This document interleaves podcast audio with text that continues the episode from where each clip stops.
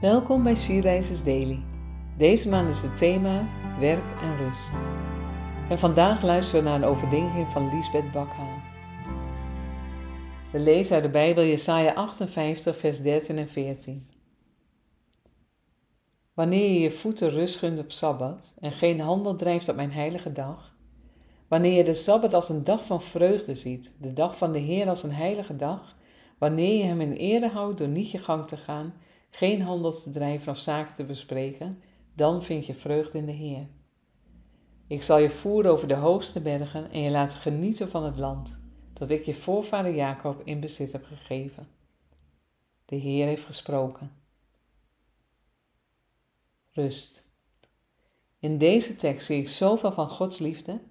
Hij weet wat goed voor ons is en heeft het beste met ons voor. God wil dat wij onze voeten rust gunnen dat we na het harde werk ontspannen, dat we goed zorgen voor ons lijf. De Sabbat is een dag van vreugde, een dag om van te genieten en ons vooral te verheugen in Hem. Misschien was de zondag in jouw jeugd vooral een dag dat je niks mocht doen. Zeker als kind is dat moeilijk, want dan heb je nog niet zo'n behoefte aan rust, maar wil je plezier hebben. Ik wil je aanmoedigen jezelf te verdiepen in Gods woord en aan Hem te vragen wat de rustdag voor jou betekent wat hij van jou vraagt en wat hij aan jou wil geven. De fariseeën hadden veel regels toegevoegd aan de wet. Als je net een meter te veel wandelde, werd het als werken gezien. Dat is natuurlijk niet Gods bedoeling geweest. Wandelen kan juist een hele fijne manier van rust zijn. Of een boek lezen, een taart bakken, een spelletje doen met je gezin. En dat samen met hem. Is het voor jou lastig om één dag te rusten of geniet je ervan?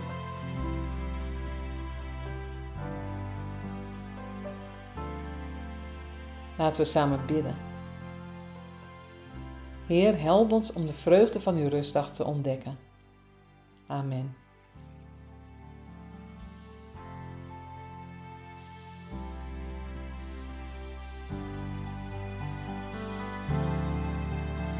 Je luisterde naar een podcast van She Rises is een platform dat vrouwen wil bemoedigen en inspireren in hun relatie met God.